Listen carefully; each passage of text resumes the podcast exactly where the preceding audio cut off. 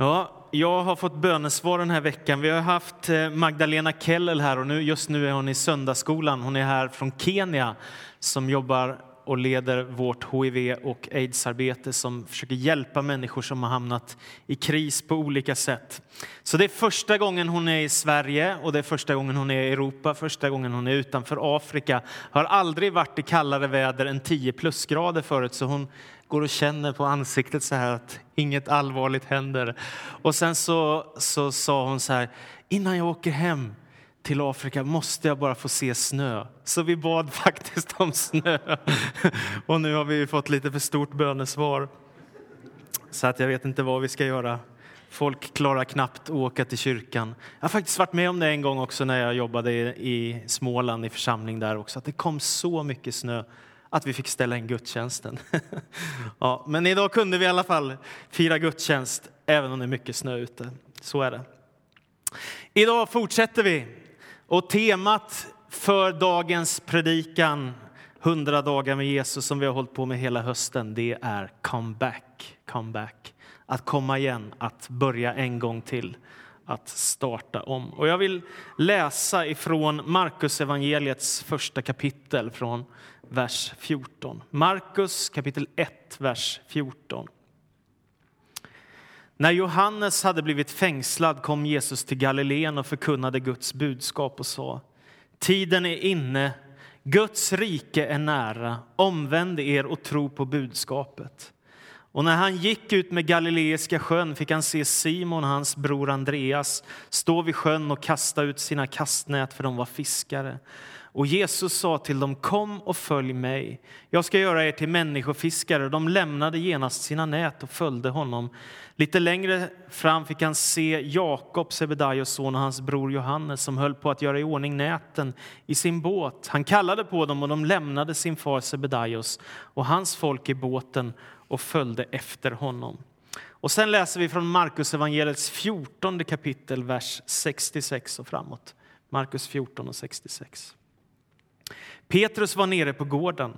Då kom en av översteprästernas tjänsteflickor och när hon fick syn på honom där han satt och värmde sig såg hon på honom och sa Du var också med Jesus, han från Nasaret. Men Petrus förnekade detta. Jag förstår inte alls vad du menar. Och han gick ut på den yttre gården. Och när flickan fick se honom där sa hon återigen till dem som stod i närheten. Han är en av dem. Petrus förnekade det på nytt. Strax efter sa de som stod där till Petrus, visst är du en av, visst är du en av dem, du är ju från Galileen. Då svor han och bedyrade, jag känner inte den där mannen som ni talar om. I samma ögonblick gol tuppen för andra gången. Då kom Petrus ihåg detta som Jesus hade sagt till honom.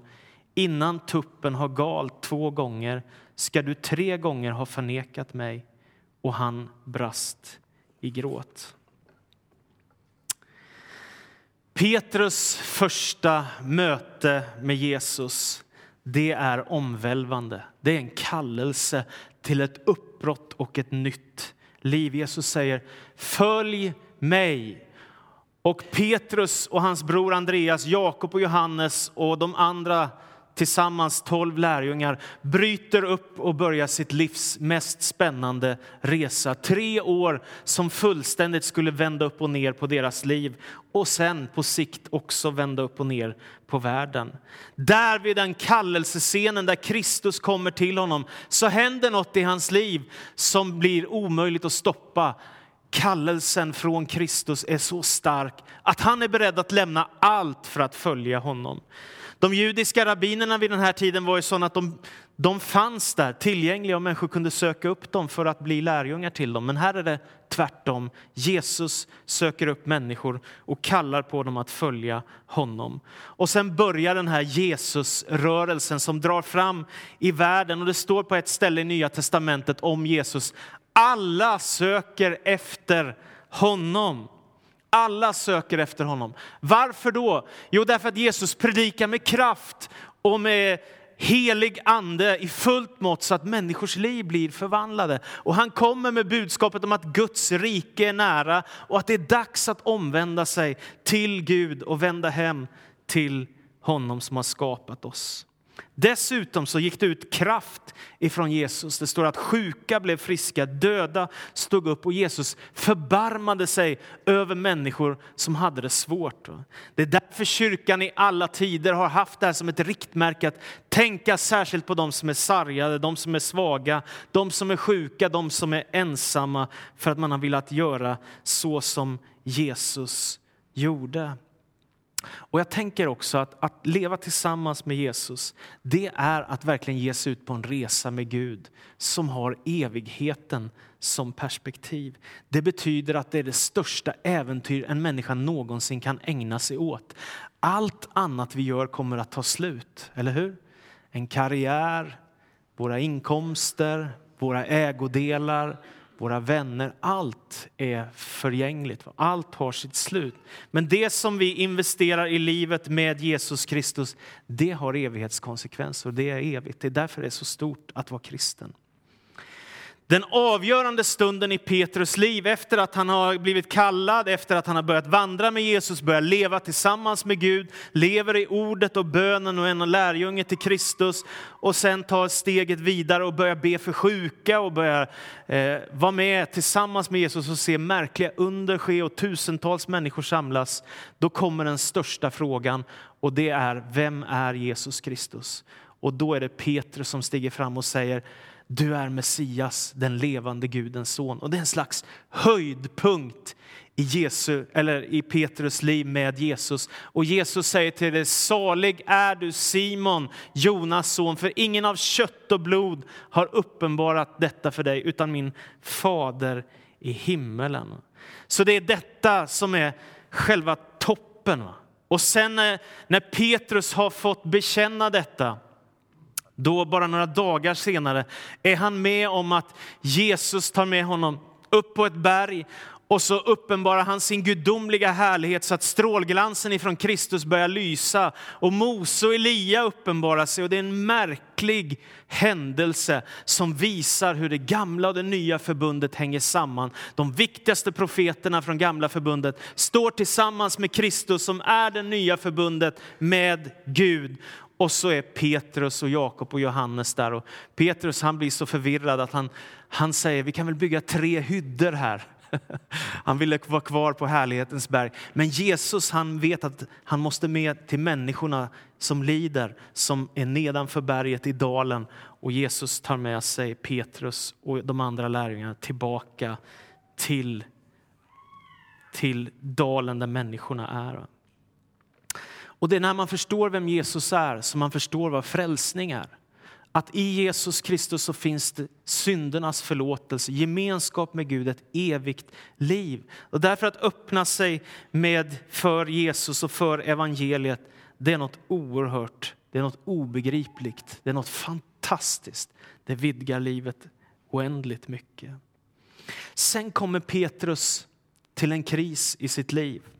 Och den börjar med att Jesus och Petrus samtalar med varandra. Och när de samtalar så börjar Jesus berätta att han ska dra upp emot Jerusalem och att han har en väg av lidande och död, korsfästelse framför sig.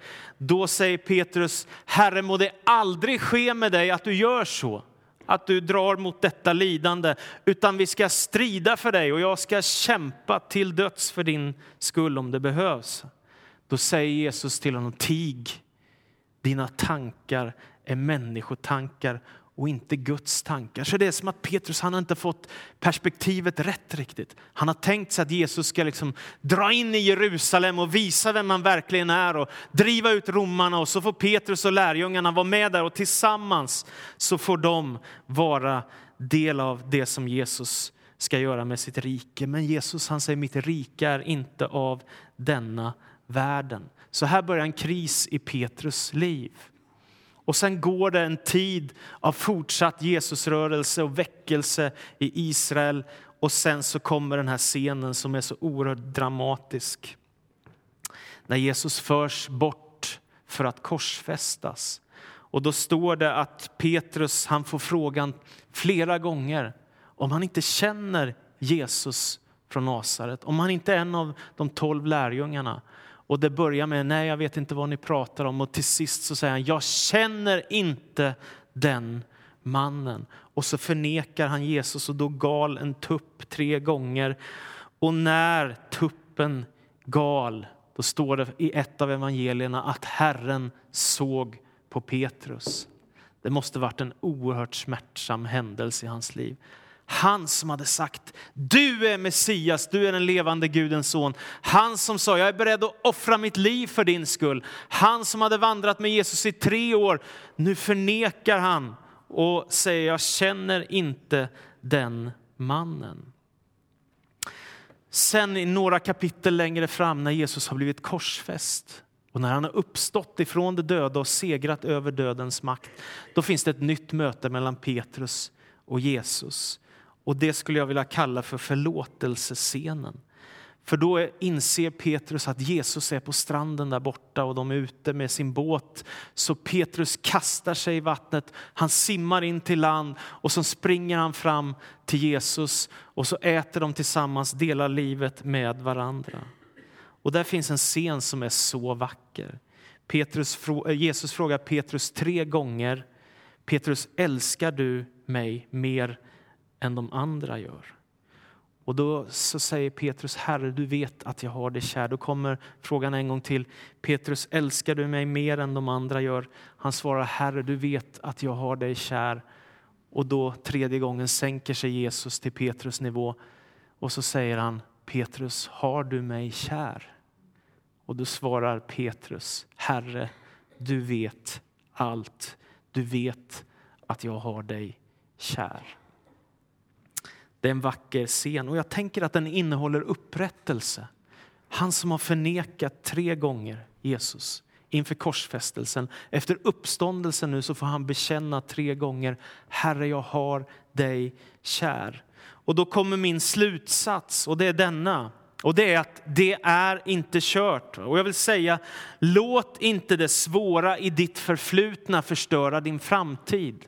Låt inte det som är svårt som ligger bakom dig binda dig för det som ligger framför. Utan det som Gud har tänkt, det är ju att du ska få vara fri som människa och kunna ta steg mot framtiden och få hjälp av Gud genom hans förlåtelse, hans kraft, hans nåd, hans välsignelse. Låt inte det svåra som ligger bakom dig förstöra din framtid. Något av det vackraste jag vet det är när jag har varit på LP-möten och det är människor som har haft väldigt svåra livsöden. En av mina vänner som har berättat flera gånger för, om sin barndom som heter Kent. Han har berättat för mig många gånger om hur han stod där som liten och hur hans mamma lämnade bort honom och han liksom aldrig mer fick träffa henne. Och hon, det var bara tack och farväl, nu får du klara dig själv här. Och så var det barnhem och fosterhem och så var det kriminalitet och sen var det droger och så var det fängelse och så var det elände.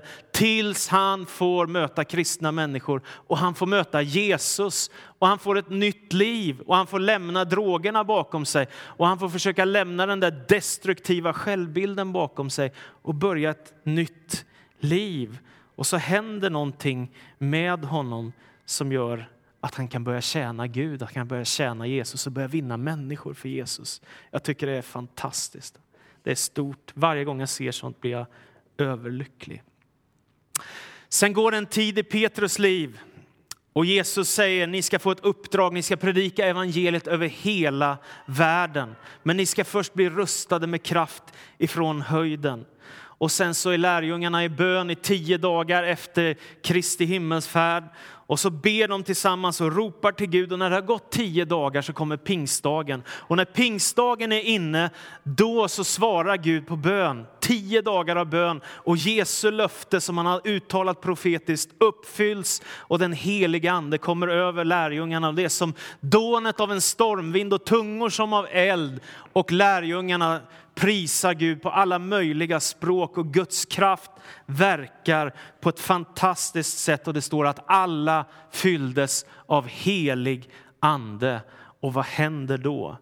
Jo, då händer detta med Petrus, att han som har förnekat Jesus tre gånger och han som har fått bekänna Herre, jag har dig kär tre gånger. Nu när han har blivit uppfylld av den helige ande så står han inför alla dessa tiotusentals människor i Jerusalem och så ställer han sig upp på sina fötter tillsammans med de elva och så säger han så här, det är inte som ni tror att vi är berusade av det ni hör av kraften och vinden och, och de här språken som ni hör, där vi prisar Guds väldiga gärningar, utan detta är vad profeten Joel sa, att Guds ande ska bli utgjuten över alla människor och era söner och döttrar skall profetera. Och så står det att tusentals människor öppnar sitt hjärta för Jesus Kristus och tar emot honom som frälsare och Herre. Och det tänker jag, det är comeback. Det är att man kan få komma tillbaka en gång till. Och jag tänker så här också att Petrus, han kunde ju naturligtvis ha gått in i detta. Först, i, nej men jag förnekade Jesus, mitt liv är kört. Jag är en av de där som är totalt vilsna, förlorade, borttappade, hopplösa människorna. Eller så kunde han ha tänkt, ja visst jag har fått upprättelse, jag har fått bekänna att jag har Jesus kär. Men det, nu får någon annan ta över som ledare, någon som inte är lika misslyckad som jag. Men så tänker inte Petrus, utan han gör comeback. Och precis som han tidigare har fått be för sjuka, vittna och predika så står han nu i Jerusalem på den stora pingsthögtiden och så predikar han om Jesus Kristus och där börjar kyrkan som en glödhet rörelse och tusentals människor kommer till tro på Jesus och blir döpta i vatten. Och jag har ju stått på de här platserna i Jerusalem och jag funderar på hur i hela världen kan de döpa så många människor uppe på en kulle med så lite vatten? Det är en stor fråga, men det fanns lite sådana här reningskällor och platser och så, så det måste ha varit där alla dessa människor blev döpta. Och vad är poängen? Jo, poängen är detta att Gud kan upprätta dig. Jag vet inte hur det är med ditt liv, vad som har gått sönder, vad som har gått fel, vad som inte alls blev som du tänkte eller hade förberett. Saker kan gå sönder, relationer kan gå sönder, ekonomi kan krascha. Vi kan hamna i svåra konflikter eller relationer som är svåra till barn eller föräldrar eller släktingar eller vänner. Det kan gå fel i livet, men Gud kan upprätta dig. Och det är så sant som Robert Schuller har sagt att livet är inte rättvist, men Gud är god. Och det räcker. Det behöver inte vara rättvist. Livet är inte en räkmacka, utan det är glädje och sorg, medgång och motgång, framgång och liksom, det går fram och tillbaka hela tiden. Och ena stunden så känner man yes, allt lyckas och nästa stund så kan man gräva ner sig och känna att allt misslyckas. Det är en kamp, men Gud kan upprätta dig och använda dig. Och därför vill jag också skicka med, lämna jantelagen. Den kommer inte hjälpa dig någonting. Va? Det är lätt att tänka, jag har inte rätt bakgrund, jag är inte tillräckligt begåvad, jag är för ung eller jag är för gammal, jag har inte de rätta kontakterna, Gud kan inte använda mig, jag är bara en syndig människa. Det är så lätt att gräva ner sig och fastna i de negativa händelserna. Men tänk då på det oerhörda. Denne man Petrus, Jesu lärjunge Simon Petrus, han som förnekade, han som blev upprättad, han som blev uppfylld av helig ande. När han ställer sig upp på pingstdagen i Jerusalem så är han med och, och sätter startskottet för världens största rörelse. Visst är det häftigt?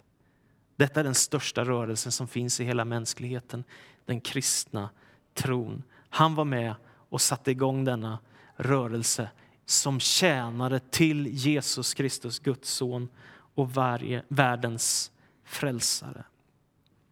Så jag tänker också så här att varje motgång som vi möter gömmer också hemligheter. När en dörr stängs så brukar alltid det finnas andra dörrar att öppna. Eller som de säger i kinesiskan så betyder ordet kris både kris och möjlighet. Och jag tycker att det är nästan alltid så. Varje gång det kommer en svårighet, en prövning, så öppnar sig andra dörrar som ger nya möjligheter för oss.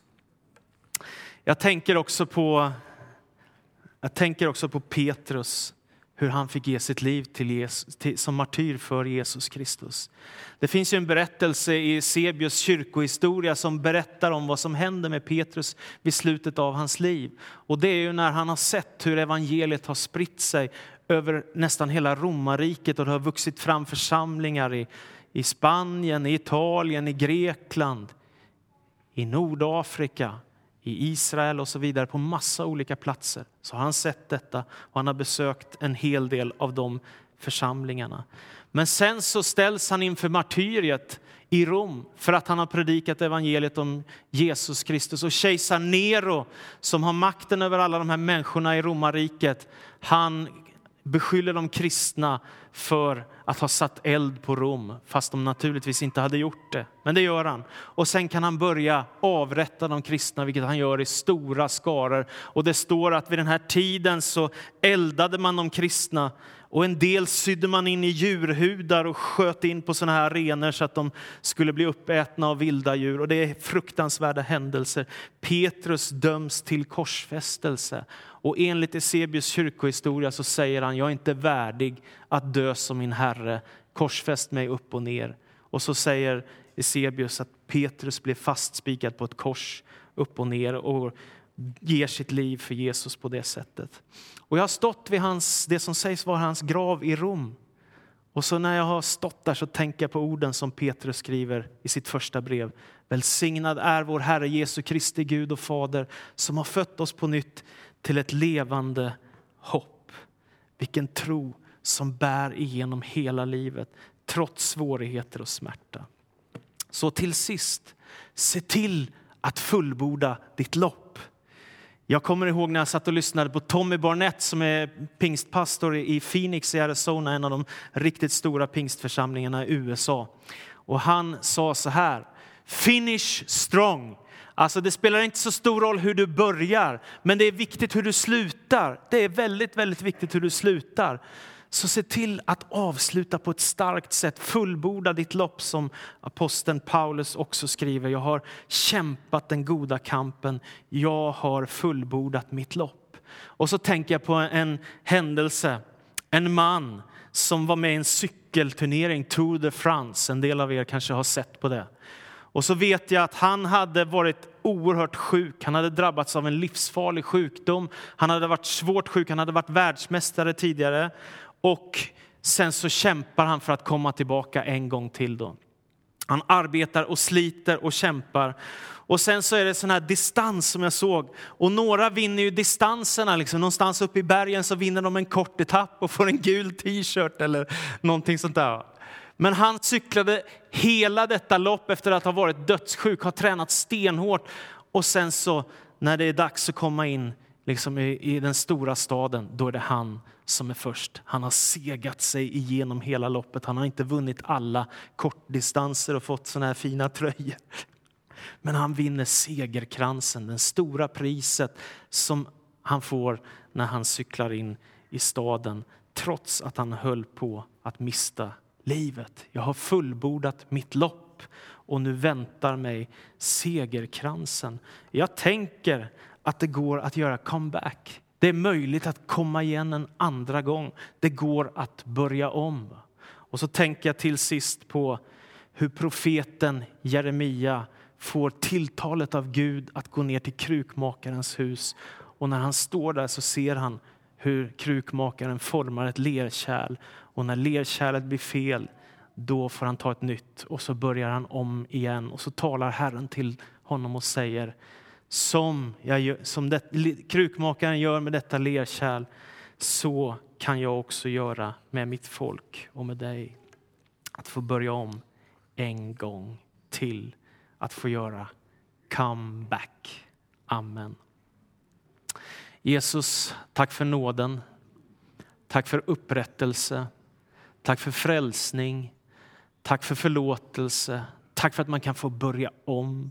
Tack för att man kan få starta en gång till. Och tack för att du kan ge oss glädje och kraft och välsignelse rakt in i vårt vardagsliv, Herre. Och jag ber om det nu när vi ska fira nattvard också, Herre. Att det kan få vara comeback för något, att man får börja om. Jag ber verkligen att du ska komma oss riktigt nära och vidröra oss med den heliga Andes kraft när vi tillsammans firar din heliga måltid. Vi ber om det i Jesu Kristi namn. Amen.